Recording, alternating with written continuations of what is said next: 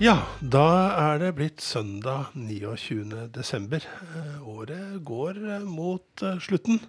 Velkommen til en ny utgave av OA-podden spesial. Det er slutten på et tiår, og det er begynnelsen på et nytt ganske snart. Så her i OA så prøver vi å oppsummere tiåret som vi er i ferd med å legge bak oss.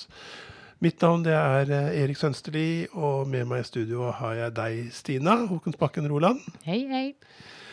Og vi er kommet til året 2016. Eh, vi har uh, bevega oss fort. eh, eh, fort. Åra flyg. ja, det, det, det gjør det. Mens 2016 det var eh, året da Donald Trump eh, ble valgt til eh, president i USA. Det var vel mannen vi ikke trodde skulle bli valgt. Det var jo det. Det Ja. var ingen som trodde det. Eh, egentlig disse åra husker jeg litt tilbake som litt sånn mørke. Det ene eh, Det avhenger av hvordan du, hvordan du ser på det, da, men det har vært mye, mye diskusjon rundt Donald Trump, og han hadde jo ingen politisk erfaring. Det var, var jo som å sette en uh, journalist til å bygge, være snekker og bygge et hus. eh, trodde vi. Storbritannia trakk seg ut av EU det året, og IS fortsatte å spre seg og utføre den verste terroren som var eh, tenkelig. Vi sa i går at eh, attentatet mot Charlie Hebdo var i 2016, Stina. Ja, det, Var faktisk i 2015. ja, det var det. I januar, faktisk i 2015, eh, da eh, redaksjonen i avisen Charlie Hebdo ble angrepet av to maskerte menn bevæpna med automatvåpen, og det ble vel også et eh, attentat eh, to eh, i en forstad. Eh, jeg tenker at det er et eh, tegn på at det var så mange aksjoner eh, i disse årene fra, fra IS, eller IS-inspirerte aksjoner. Og i 2016 så fikk vi vel det ene sjokket etter det andre. Eh, Paris er en ting jeg husker. Um, ja. Eh, ja, det var flere der også. Eh, eh, vi hadde eh, vi ha- Dette i NIS. Ja, vi hadde det i NIS. Jeg husker ikke hvem som var først av det, egentlig. Du, Det var, NIS var på, på nasjonaldagen i Det- Frankrike. ja, det var på nasjonaldagen i 2016. Eh, 14. juni. Strandpromenaden. Eh, 86 mennesker ble drept, faktisk. Deriblant flere barn. Det var, eh, det var en lastebil som ble brukt. Det var vel første gang vi så liksom at dette med at man kjørte biler tvers gjennom Ja, men kjørte på inn i folkemengden, rett og slett. Siden skulle vi se det utført også i, eh, i eh, USA, blant annet, og flere andre steder. Stockholm. Det Eh, var i ja, et par år siden som jeg var på um, var i NIS, på strandpromenaden der. Og det liksom så det for seg. ja. Hvor mye folk det er der på, bare på en helt vanlig dag, liksom. Og akkurat det samme i Stockholm, eh, hvor Drottninggata er liksom kanskje liksom litt sånn Karl Johan eh, i Norge. Den store handlegata. Ikke så brei som Karl Johan, veldig mye trangere. Så du ser for deg hvordan eh, det heldigvis så ble ikke det gikk, det ikke, det gikk vel ikke eh, så mange liv. Eh, Kanskje ikke liv i hele tatt, så vidt jeg husker. Jeg er litt usikker. Men det gjorde det i, eh, i Paris. Og når jeg ser eh, nå, Sina, så Det var altså 1000 terroristaksjoner disse årene, husker jeg det ble, ble nevnt opp. Og, og, og det som var i Paris, disse seks aksjonene i Paris, de eh, var faktisk også i, i 2015. eh, Helt på slutten. Koordinert av terrorangrep fra flere steder i den franske hovedstaden. Starta med en bom, med selvmordsbo- selvmordsbombere utenfor eh, ja, mens Tyskland og Frankrike spilte fotballkamp. Fortsatte med, med kafeer inne i byen. Og dette som jeg eh, husker TV-bildene så godt fra dramaet på Bataclan, altså dette konsertstedet. Eh, det er jo eh, Det er målet er jo å, å spre frykt. Og når det blir så, så tett, så Og det er jo fortsatt ganske nytt, heldigvis, eh, og sjeldent at det skjer i, i Europa her, da. Ja. Og, men det var Det satte en ny standard for liksom eh, terror. Og, og, og, utenforskap. Det var, altså, det var veldig mange fellestrekk mm, fa- faktisk mellom bl.a. disse som gikk løs i, eh, mot Charlie Hebdo, og bakgrunnen og oppveksten til sånn som Anders Behring Breivik, som, som, som gikk eller, til angrepet her i 2011. Utenforskap er, eh, er stikkordet. Eh, mer enn religiøs overbevisning, eh, faktisk. Eh, men dette, dette førte altså faktisk til at eh, så, Ja, sånn som ja, nær sagt Rakfiskfestivalen på Fagernes. eh, der satte man opp sperringer slik at ikke biler skulle kunne meie ned folket. Så Festival-Norge eh, lærte av disse terroraksjonene. Det er ganske spesielt. Ja. Det har jo ført med seg mye. Det, det ble jo flere som eh, gikk for norgesferie, på en måte. Og i nærere For det ble jo veldig tydelig at dette kunne skje på plasser som vi gjerne besøker. Mens her hjemme så um, ja, Det er flere ting vi husker der, men det er starten på en sak som både du og jeg eh, fikk mye med å gjøre etter hvert, eh, var eh, Som kanskje litt urettmessig fikk navnet Valdres-saken. Eh, eh, det var vel eh, Det var vel snarere at det var en at man var dit de hadde reist. Altså en 13 år gammel jente ble funnet død på, av avmagring på en hytte på Beitostølen nyttårsaften 2015. Mm. Uh, og uh, det var vel allerede et par dager senere som jentas mor ble sikta for å ha unnlatt å gi jenta nødvendig helsehjelp, da, eh, Stina. Ja, det Og det, det var litt sjokk på sjokk, liksom. Først at, det- at det er ei ung jente som blir, eh, blir funnet i vårt distrikt. Og så eh, går det så kort tid til, til mora blir eh, på en måte holdt ansvarlig for det. Eh, ja. Det var vel første gang det hadde skjedd at en mor ble Ja. holdt ansvarlig for, rama, for For anoreksi eller spiseforstyrrelser. ja. Det er jo veldig spesielt. Det er jo, det er jo en uh, veldig utbredt sykdom. eh, både i Norge og i større i verden, for så vidt.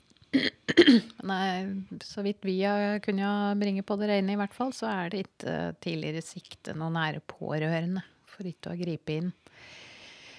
Det var vel slik at eh, i starten så eh, ble dette fremstilt som en mobbesak og veldig sterke reaksjoner på at moren ble sikta. Det var det mediet Ja, det var, det var veldig sånn en, eh, Mediene dekte det på en måte. Man fikk et bilde av det, og så kom husker Asker og Bærum Budstikke med en litt annen historie, da. Eh, som eh, som da kom mer frem i, i retten, da kanskje. Du fulgte jo rettssaken hele veien, men jeg husker du var til stede de første dagene tett. Ja, det, var, det ble jo veldig spesielt hele forløpet her. Um, fordi eh, pga. mors helsetilstand så det jo, tok det lang tid før de i det hele tatt kom til eh, retten. Ja, saken ble utsatt helt til 2017, faktisk. Så Og så ble den jo avbrutt eh, etter at mor fikk et illebefinnende i, i retten da, i første omgang. Og så eh, Ja, det ble jo eh, Det gikk flere måneder igjen før det vel var tid for en ny runde da. Og da ble jo mor eh, dømt skyldig, faktisk. I Valdres tingrett, da, som ble holdt på Gjøvik den gang. det var tre års fengsel. Ja, mener det var det. Men så ble det ankesak. Ja, ble anket til Eidsivating. Eh, Det ble en helt annet utfall. Hun ble kjent skyldig i grov mishandling, mener jeg. Men frifunnet for å ja, ha hensatt dattera i hjelpeløs tilstand, sånn i juridisk forstand. Da ble straffen satt til åtte måneder, og det var gjort betinget i den eh, dommen. Men dette ble påkla, eller anke videre av påtalemyndigheten. Og Høyesterett tok saken, og det ble til slutt eh, straffen eh, skjerpet vesentlig fra lagmannsretten. Og eh, satt til tre års ubetinget fengsel. Og det var eh, med henvisning til sterke allmennpreventive Mm. hensyn for barnas r- Ja. Det var- Ja. Og det, denne saken, det var jo veldig mange spesielle forhold der. Mm. denne eh, jenta og mora har på en måte eh,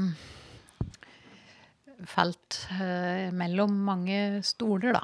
Og de har flyttet, og det har, det har liksom ikke lyktes å følge opp jenta som åpenbart var sjuk. Det er jo veldig rart at eh, et barn som går i skole og ja, slik som eh, det eh, norske systemet er, at at At du bare kan forsvinne, liksom. ja, Og at ingen ja, har ansvar for å eh, følge opp. Og det blei vel slik at det ble funnet avvik og, og Det var, eh, var i hvert fall eh, kritikk, Mm. husker jeg. Og eh, i Valdres så ble det jo barnevernet å granske. De slapp litt unna. altså De hadde ikke gjort så mye galt. Jeg innbiller meg liksom at det var nede i Asker og Bærum som ble hardest, den hardeste kritikken ble retta mot. Men det, er- det er jo Det som kommer ut av den saken, er jo at det, det, det systemet må eh, finne andre måter å prate sammen på, sånn at dette ikke kan skje igjen. Og at det hviler et sterkt ansvar på da, oss som foreldre. Når selvsagt selvsagt også i dette, da. Det var jo en unge. Det var en jente, Rett og slett. lita jente. 13 år. Jeg, det husker veldig Altså, i den rettssaken eh, så ble det utveksla noen meldinger og SMS-er og sånt oppe på, Uff, på den hytta på, på Beitostølen. Ja, det var helt grusomt. Ja. Da, ja eh, Den varte da et par år, eh, men starta da i, eh, helt i starten av 2016, da. Eh, men eh, vestopplendingene fikk jo etter hvert noe annet å, å kanskje se lysere på, da. eh, Hvis man kan forsøke å, å bevege seg over på noe annet. Ja. Ungdoms-OL eh, ble jo bare kanonfest på Lillehammer, men det var det for så vidt også her, Stina, på Gjøvik. Ja, absolutt, det vil jeg si. Eh, vi har jo en liten flik av OL, eh, vi òg. Fjellhallene ble, ble var arena for er det heter? Kortbane... Ja, det er i hvert fall For når går- ja, de går rundt isen, liksom. Så Og så det detter elles- svingene. Ja. det går noe alvorlig. Men det var eh, En kan jo tenke at det er smalt, men i hvert fall så var det var det mobilisert. Så Fjellhallen var full. Og det var kjempestemning, og det gikk bølgen rundt hele hallen. Og, nei, det var skikkelig moro. Jeg, åh, jeg skulle gjerne vært der da. Og jeg, dette har du og jeg diskutert før. Jeg er jo jeg mener jo at et nytt vinter-OL i Innlandet Jeg er jo litt tilhenger av det. Da. jeg tror at et OL i Norge har mye for seg i forhold til både å opprettholde gamle, gamle skikultur og tradisjonene, og, og, og at nye generasjoner skal holde seg i aktivitet vinterstid. Eh, men det koster mye penger, og disse her eh, IOS-pampene, de har vi jo vært ja, du- er knallstreng mot de. Men ungdoms-OL, de gikk jo faktisk med et lite overskudd. Ja. Det var eh, god styring, og det var jo veldig profil på at eh, dugnadsfolka skulle være unge, og at ledere skulle være unge. Og det var jo på en måte en skole å gå da, for framtidas arrangører.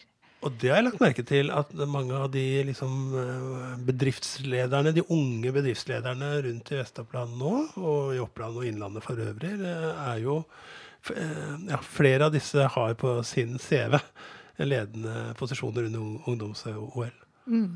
Ja, vi hadde flere fra Vi hadde jo OL-sjefen var jo fra Gjøvik. Ja.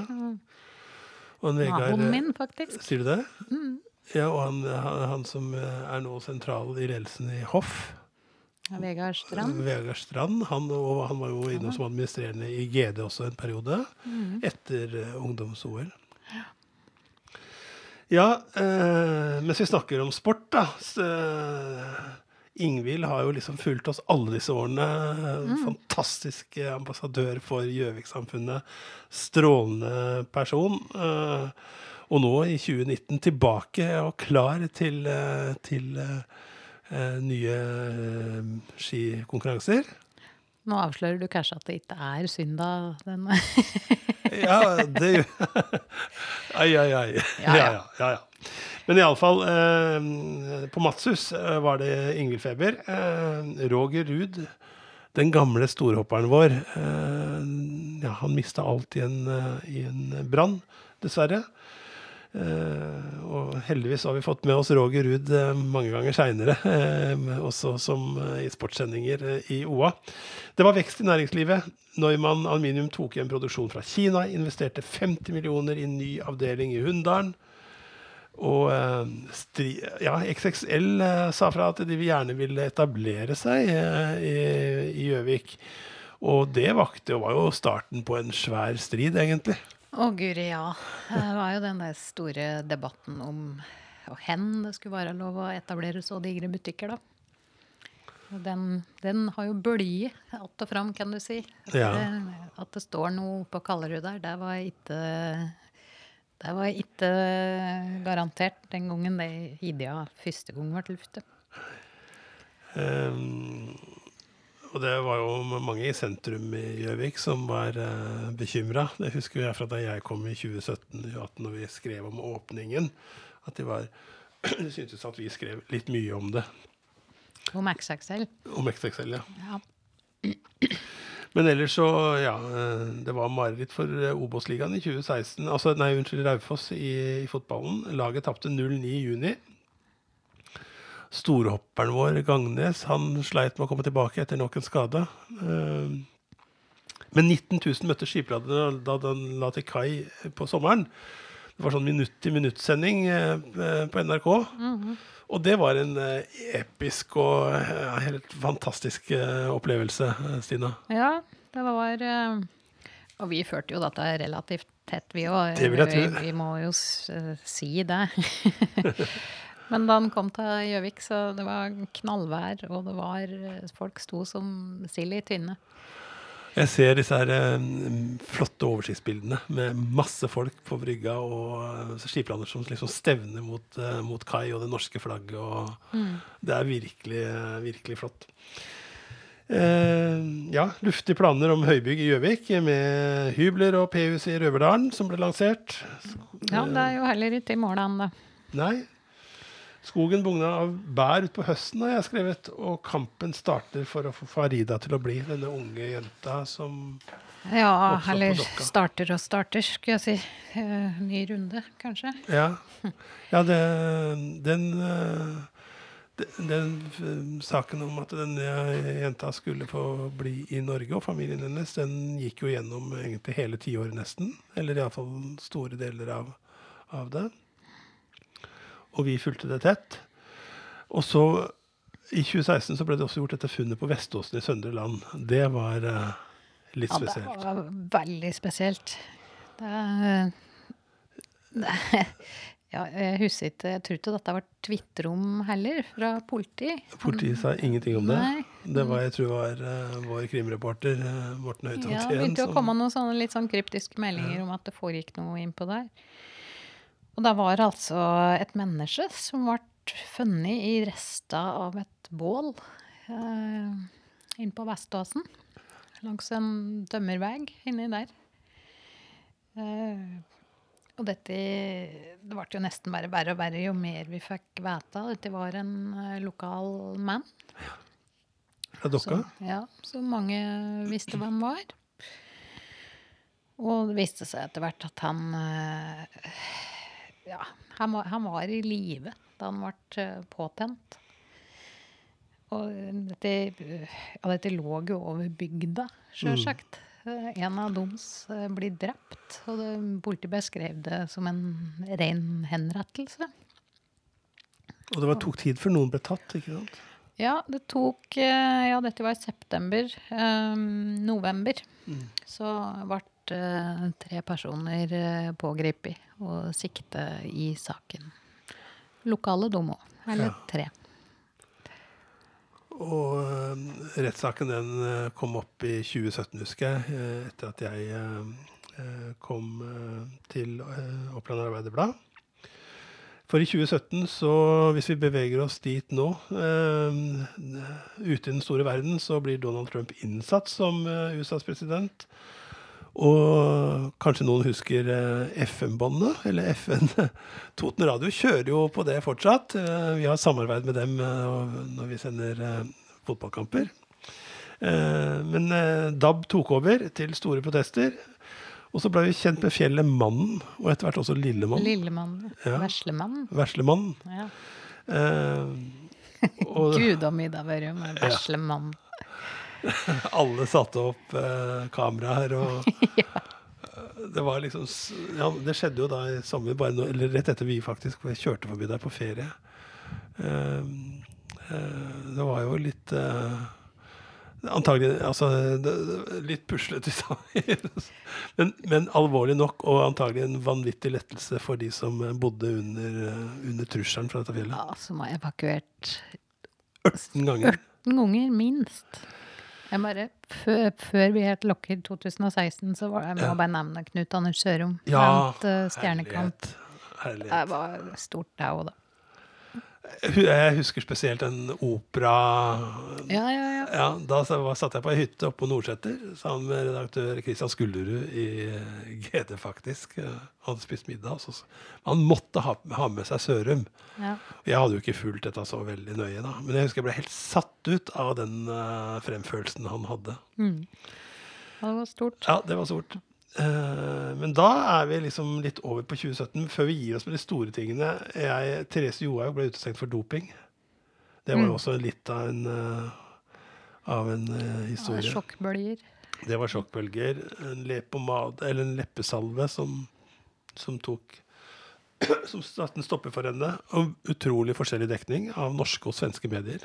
Jeg hadde jo jobba tre år i Sverige og snakka med mine kolleger der. Det er veldig merkelig hvordan det kan bli Kanskje sette spørsmål til hvordan vi dekker ting av og til. Um, skam, husker jeg.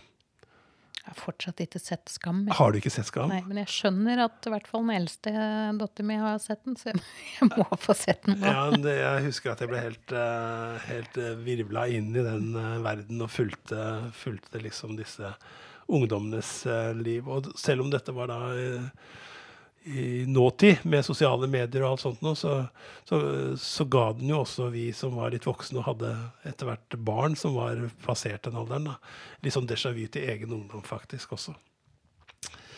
Så eh, den var fantastisk. Og metoo ble for første gang kjent som begrep. Den kommer vi tilbake til etter hvert, fordi den tok også, ble en, viktig del for OA.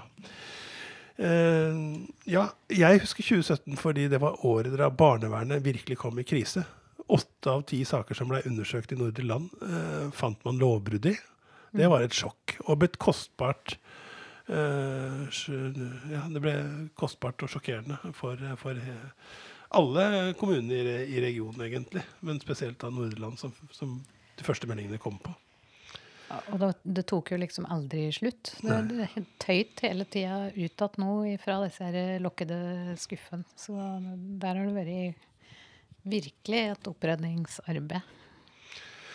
Jeg husker at rådmannen gikk ut og sa at Gjøvik ikke vokste fort nok. Vi skulle ha 33 333 innbyggere innen et eh, bestemt år. Eh, og vi lå litt etter det. Eh, nye Hunton Det på gjør vi fortsatt. Ja, vi gjør det. Nye Hunton på Skjerva skulle gi 40-60 arbeidsplasser. Og så husker jeg at en mammagjeng ute på Biri redda 17. mai det året. Um, og så ble Lena Marie Fossen kjent for iallfall meg for første gang. Lene. Lene, unnskyld. Lene Marie Fossen. Og du gjorde en stor lørdagsartikkel på henne som, eh, som ble vel en av de sterkeste feature-reportasjene våre det året, Stina. Du, hvordan var det møtet med Hun gikk jo bort tragisk nå Mm. 22. Nei, det er ehm, Vi møtte jo henne i Oslo, uh, i studio hos uh, Morten Krogvold. Som tok henne veldig inn under sine armer og, og løfta fram uh, bl.a. i forberedelsene til den Den het Northern Lights, tror jeg den het. Den der årlige internasjonale fotofestivalen i, i nord. Så dette var i forbindelse med forarbeidet til den. For hun eh, Ja, vi kjenner, mange kjenner jo historien hennes. Hun eh, hadde alvorlige spiseforstyrrelser. eh, hadde- Fra hun var ti år? Fra hun var ti år. Eh, hun har forklart til meg at hun, hun ville stoppe tida. Hun ville ikke bli eldre. Hun ville ikke få alle de utfordringene som, som jeg skjønte ville følge med det å bli eldre. Så hun slutta å ete. Men så oppdaga jo det òg den sammenhengen, på en måte, da, med at du kunne stoppe tida med kamera. Uh, så jeg så har brukt det kameraet. Og um, hun har tatt noen helt fantastiske portretter, og hun er jo sjøllært. Uh, hun var, uh, var på ei årlig reise til uh, Hellas, pleide å være, og, og tok veldig mange portretter der. Men så eh, gjennombruddet, da. det De bildene som var til denne utstillingen, det var når jeg hadde eh, vendt linsa mot seg sjøl. Det var sjølportretter. Hun var, var, jeg var veldig opptatt av lys. Hun hadde funnet et uh, gammelt uh, barnehjem forlatt på Lesvos, tror jeg det var. Og tok bilder inni der. Og, og det, det, alle som har sett det bildet, kjenner jo Ja, det er veldig spesiell stemning i det bildet. Men hun, hun så sjøl at det bildet trengte et menneske. Og da brukte hun seg sjøl. Og det, det ble utrolig sterkt. Og nå blir eh, livet hennes en film. Eh, Den er ferdig. Den har premiere, jeg tror det er førpremiere for familie og venner i Oslo nå 12.1. Og så er det kinopremiere landet over 17. januar. Selvportrett den. Den er lagd av eh, Margaret Olin, den kjente norske filmskaperen. Blant annet. Blant annet det er flere andre. Uh, Høgseth og en, en fotokunstvenn som også har vært veldig sentral i det. Jeg husker ikke navnet på. Ja, jeg husker Espen Wallin, tror jeg det var, Ja. som, som var med henne til Lesbos òg. Som satt på en del uh, videoopptak Ja. før uh, Olin kom inn i bildet. Og det blir uh, kunstbok nå. Uh, og det blir uh, Musikken til filmen skal gis ut. Der er hun uh, Susanne Sundfør. Ja, ikke sant? Eh, og hun gikk altså bort rett etter at hun hadde fått sett eh, det endelige resultatet eh, i oktober. Og Hanne Krogh var en av de som sang, sang i hennes begravelse, som veldig mange var til stede i da. Det var, var virkelig en bemerkelsesverdig dame. Og, eh, jeg skrev den saken om at, eh, at hun hadde gått bort. Og da, da satt jeg og gret, faktisk, da jeg skrev den. Eh, Du skulle fått høre meg lenger. Det er mye vi husker fra 2017. Eh, mange som bodde på Østre Toten og på Hadeland, husker det spesielt for eh, eh, ulven. Den to år gamle tispa som hadde forvilla seg til Norge fra Sverige. Og som drepte ja, jeg tror det var over 400 sauer den våren og sommeren. Eh, det er mer enn ja, eh, nærmere 300-400, kanskje. Jeg husker ikke helt. Ja, altså, det står tre, mer enn 300, har vi skrevet. Men um, det, var, det var jo en lystmorder. Det var det som var så spesielt, at den uh, reiv sund og gjorde så mye store skader. Og den fant at veldig mange som, nei, dyr som uh, fortsatt var i live og hadde store pinsler. Han, han drepte ikke for å ete, på en måte. Jeg husker så godt. Det var et, et bilde som var tatt en natt, eller på en kveld, det var mørkt, liksom, av, en, av et sånt viltkamera. Som var satt opp for å prøve å fange inn Og der er det en uh, søye som beskytter eh, det lille lammet sitt med å eh, Ja, du ser at det står eh, liksom front til front mot ulven, da. Eh, rett før hun vil forsvare ungen sin. Um, ja, mange bønder var med og, og forsøke å finne igjen dyra. Og det var mange jegere som var med og forsøkte å ta og finne ulven. Eh, 152 sauebønder fra Toten og Hadeland fikk 13,8 millioner kroner bare for ekstra kostnader knytta til, til faren. Dette ble jo den første Første tapa ble meldt inn i starten av juni det året, mener jeg. Og eh, da var, det var jo ikke så mye sau som var satt ut eh, da. Det var jo, jeg tror det var totalt 13 000 sau jeg, som ikke ble kjent på beite. Den, Eller utmarksbeite, i hvert fall. Den uh, sommeren. Men det er jo ikke alle som kan ha, eller har den muligheten hjemme til å ha så mye sau gående på hjemmebeite. Så um, jeg, jeg husker at det var um, ja, det, det var uh, veldig mye snakk om, om ulv den, uh, den uh, Og det var jo spørsmål om det var flere enn én, fordi det var så innmari store tapstall. Og jeg husker at landbruksministeren kom, og så husker jeg at Erna, statsministeren sjøl, kom i helikopter for å ta Ja, for å vise, vise solidaritet eller forståelse, og, og sette seg inn i situasjonen og hva slags tiltak man kunne gjøre mot, mot disse tapene. Ja, det var ulven. her på Gjøvik så skjøt boligprisen i været. Uh, blei vel sånn etter hvert. Du har skrevet flere ganger om det. At det var bare eldre som kunne flytte inn i alle disse nye leilighetene på, Gjøvik, Stina. Uh, kongefamilien hadde jubileumsfeiring. Ja, kjørte skiblander. Ja, og lo godt da de fikk oppleve urbane totningers Ja, når de var Han har jo en ubeskrivelig fremførelse av kongen. Ja, Han kjørte parodi på kongen, gjorde han ikke? Jo, han gjorde det. Ja.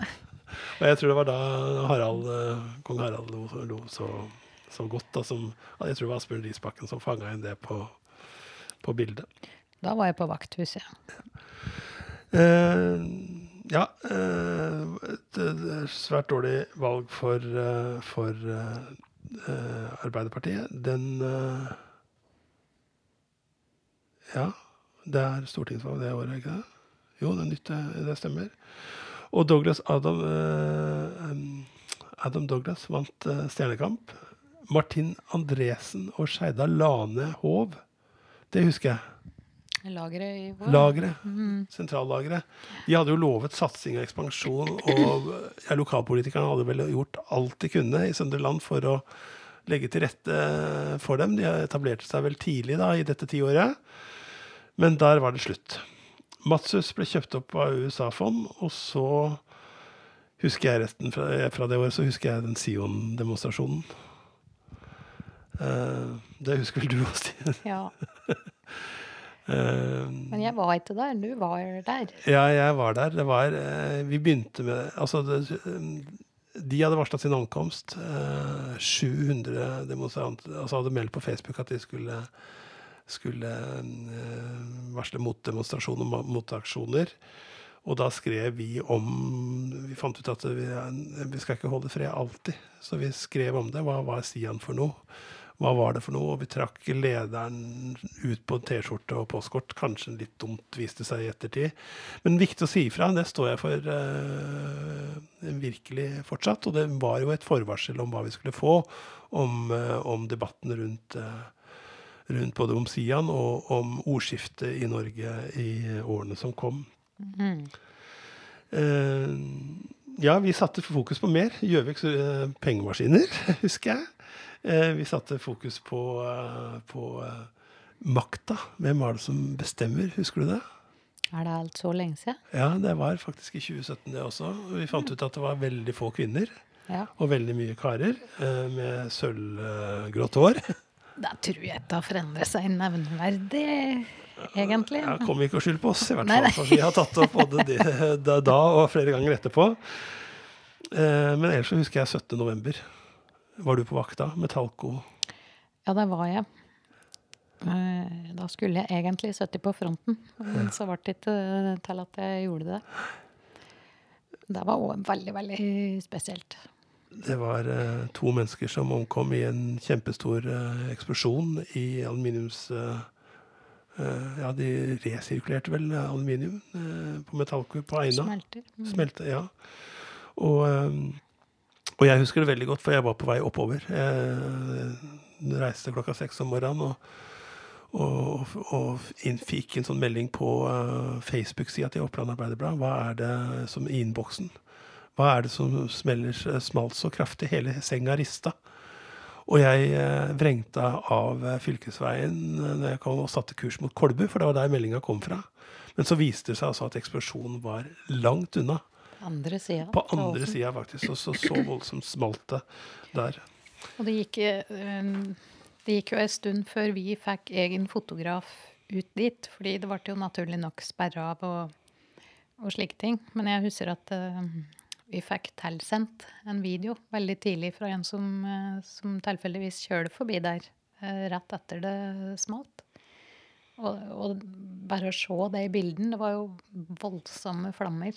Eh, Da, da skjønte vi at dette var noe veldig alvorlig. Enorme ødeleggelser der på det området. Og rart å tenke på, det var en skole som ikke var så langt unna. Der ble de sendt hjem.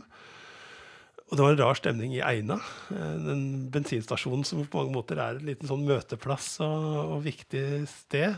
Der, eh, der, var det en helt spesiell stemning når jeg oppsøkte den, eh, den morgenen. Eh, faktisk slik det, var sånn, det var ingen som trodde at noe sånt kunne skje. Man Nei. visste at det kunne oppstå eh, eksplosjoner, eller liksom disse reaksjoner kunne oppstå med litt fuktighet og sånn, men det var ingen som hadde drømt om at det kunne skje noe i den størrelsesorden. Og nå skriver vi altså snart 2020, og vi er ikke ferdig med den saken enda. Det er slik at Økokrim har den til en ny gjennomgang for å se om eh, det er eh, Ja, om den skal henlegges, eller om det skal gås videre med, med saken. Det er, vi vet ikke helt hva som skjer, og hva de undersøker, annet enn at det har noe med, med arbeids... eh, ja, arbeidsmiljø eller sikkerhet, eller sånn, om det var overholdt riktig. Vi får se hvordan det ender. Ja, eh, hva mer var det da? Er vi eh, Vi hadde jo en uh, Farmen-favoritt. Ja, Christian Djupnes. Ja, Farmen-Christian. Farmen Christian ble han hetende i Joa.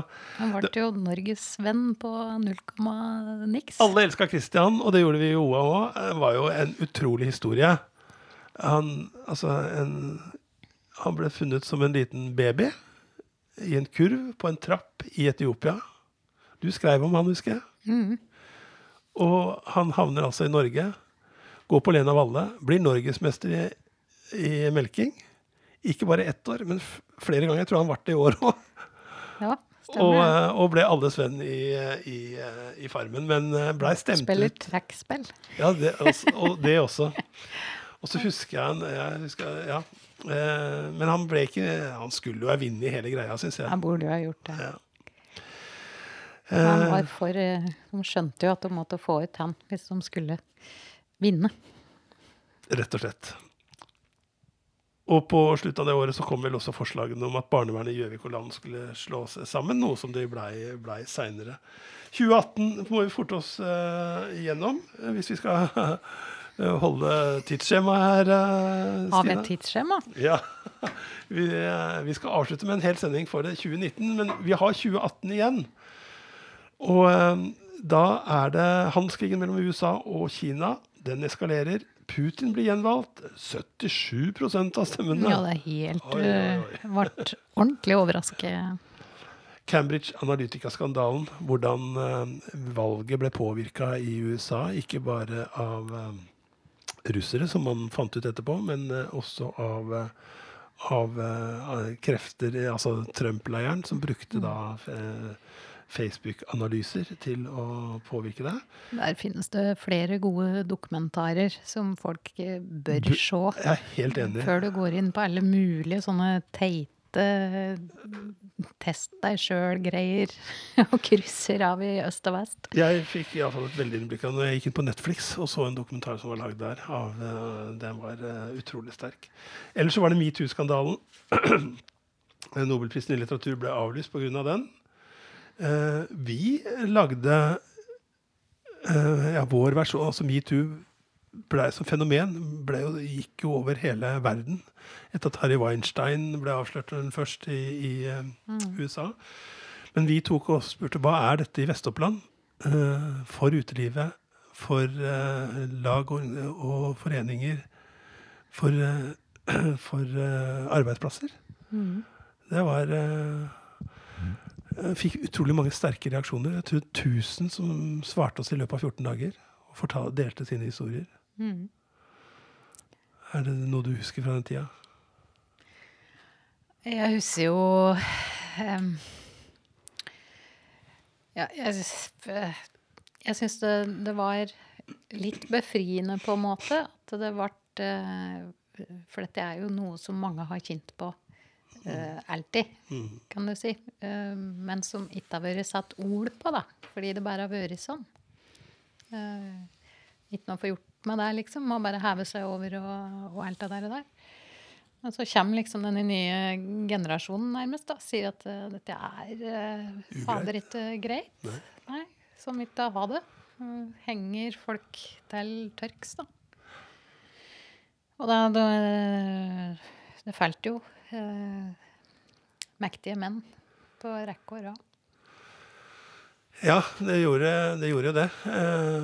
vi fikk også sterke historier om om kvinner eh, både innenfor eh, jobb og kulturlivet som hadde blitt utsatt for uh, aldeles ugreie ting av folk uh, som hadde, ja, var i en posisjon uh, slik at de kunne rett og slett utnytte den posisjonen til, til, til ja, hva, skal du si? Seksuell Ja, skaffe seg noen fordeler, da. Ja.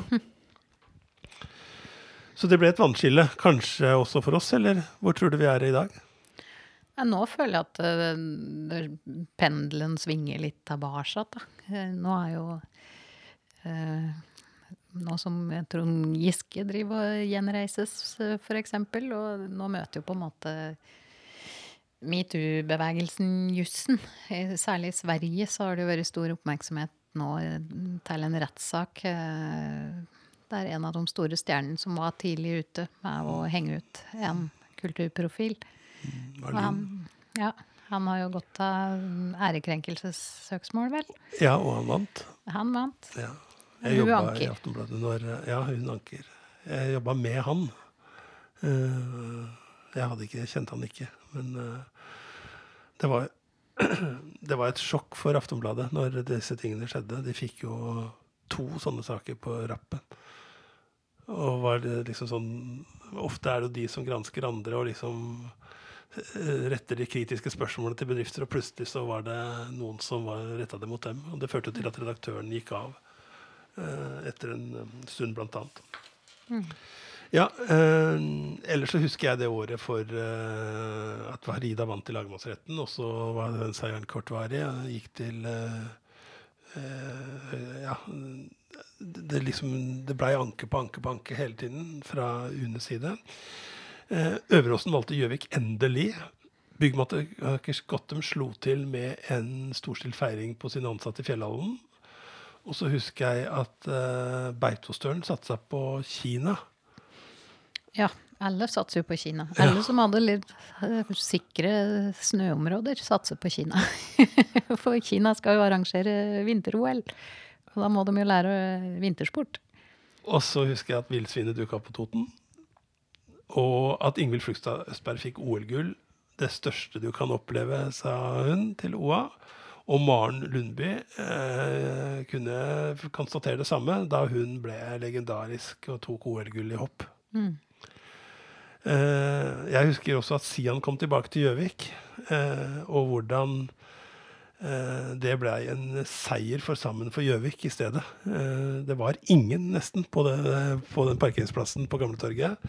Mens det var fullt på Gjøvik gård, hvor Linn Therese og Lene Myhrvold, søskenparet, og Ingrid Tønseth Myhr eh, ja, var vel ildsjelene, de som sto i bresjen iallfall for den kollektive innsatsen for å ikke stoppe ytringsfrihet, men for å vise hva man sto for i Gjøvik-samfunnet. Det var en fantastisk eh, manifestasjon, syns jeg. Hvor Gjøvik viste Norge hvordan det skulle gjøres.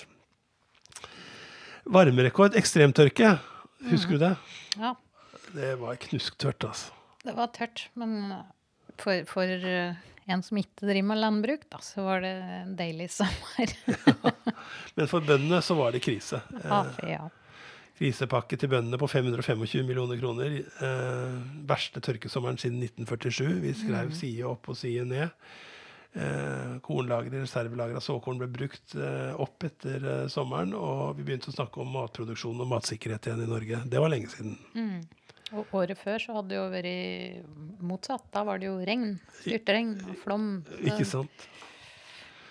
Og så husker jeg eh, førerløse bussen, som eh, fikk mye tyn fordi det ble en fiasko. Selv om jeg mener at det er jo sånt Gjøvik, det teknosamfunnet vi skal Ja, vi skal ikke være sist i rekka på det, men det ble vel ikke noen eh, stor suksess. Men du prøvde den bussen, du. Jeg har kjørt den førerløse bussen. Det, Hvordan var det? da meldte jeg meg kjempefrivillig til å gjøre. Da han kom til Gjøvik, da, da skulle vi Det var på, på campus, sjølsagt, og på Kallerud. Skulle gå fra hovedbygget på NTNU der og litt bortover, og så skulle han snu igjen tilbake. Og det var Du har jo litt sånn science fiction-tanker, selvfølgelig, om den her nye teknologien og sånn. Det, det var jo Han var jo ikke veldig flott, men Så eh, litt, eh, fungerte. ja. Og så gikk den i 11 km i timen som toppfart. Du kunne jogge litt lett etter den. Kunne ha gått ifra den. Men det var god stemning, og det- det fungerte att og fram. Men da, var han, da hadde han med seg en tekniker som sto og passte på, liksom. Ja, var det han som kom fra Frankrike? Var det Ja. ikke hver gang det var noe, så måtte en hentes fra Frankrike? Ja da, det var det, vet du. han, fikk, eh, han fikk kanskje mye tyn. Ja, men det var jo veldig eh, Han ble jo sett på en måte i trafikk nede i sentrum. sentrum. Skulle gå fra Fjellhallen og rundt Ja. og tilbake. Eh, og da ble det jo rabalder, sjølsagt, for den ble sperra for noen parkeringsplasser Det var og sånn. noen butikkfolk som ble forbanna da. Ja. Og det, var, det, var jo, det ble jo testet fordi denne teknologien kommer, ikke sant, og skal testes ut. Men så var det det mekaniske som tok knekken på det, rett og slett. Det, det var, ikke sant? Det var det det var. Ja, Ja. for teknikken fungerte, men girkassa røyk. Ja. Gang på gang på gang. Så eh, sånn ble det med det. Men det, gikk i Oslo og flere andre steder seinere. Og eh, fikk ikke så hard medfart der som han eh, ja, Jeg husker iallfall at han fikk litt medfart da. Ja, vi elsker jo sånne latterliggjøringsting. Ja, er det kanskje en av de egenskapene jeg, som vi snakker om, iallfall at vi angivelig har, som kanskje ikke er alltid Jeg syns det skal være ja, vi, er, vi er fort ved Jeg har iallfall lært av, av dere at dere sier at det er fort vekk eh, litt kritiske. Men, men. Uh, ja, ellers så, så uh, Vi satte masse fokus på Gjøvik som studentby. Sentrumsparkering, miljø og homofobien husker jeg ble en sånn, tenne, sånn debatt etter forbydebatten vår. eh, Ja, stemmer det. ja, eh, Andreas eh, han, eh, som, som hadde veldig sterkt innlegg om sin oppvekst i Snertingdalen, husker jeg. Og så ble Aurora Eindal og han Sean Bartlett. Bartlett, de nye stjernene i, sommerslagere der den sommeren. Og Ivar Oddnes eh, gikk bort. Og, så husker jeg at uh, kloakken gikk rett i Mjøsa. Det var også i 2018. Det stemmer da, da det brant uh, på skreia. Det var jo helt 1,2 millioner liter rett ut i Mjøsa. Det gjorde et utslettelig inntrykk på meg. Ja, og det er så mye som arbeid og skriverier og feeling som det har vært for å få dette i orden. Østre Toten er jo enormt uh, spredt bebygd, og endelig skulle det liksom bli en effektiv løsning på disse her eh, Og var kåra til den beste vann- og avløpskommunen i Ja. hele Norge. Så kvarter før alt dette her var ferdig, så brant hele Ja, det er utrolig tragisk. Utrolig tragisk. Men Mjøsa var stor og tok uh, imot. Ja. Eh, og Raufoss rykka opp. Det var jo litt plaster på såret. Ja, da er vi faktisk klokka inn på 50 minutter det. på, på tre nye år. Var det, var det et kvarter vi skulle satse på? ja. Det er mye å snakke om, folkens. Og eh, jeg håper at dere tenker litt tilbake på de årene som har gått, ved å høre oss prate. I eh, morgen så tar vi for oss 2019.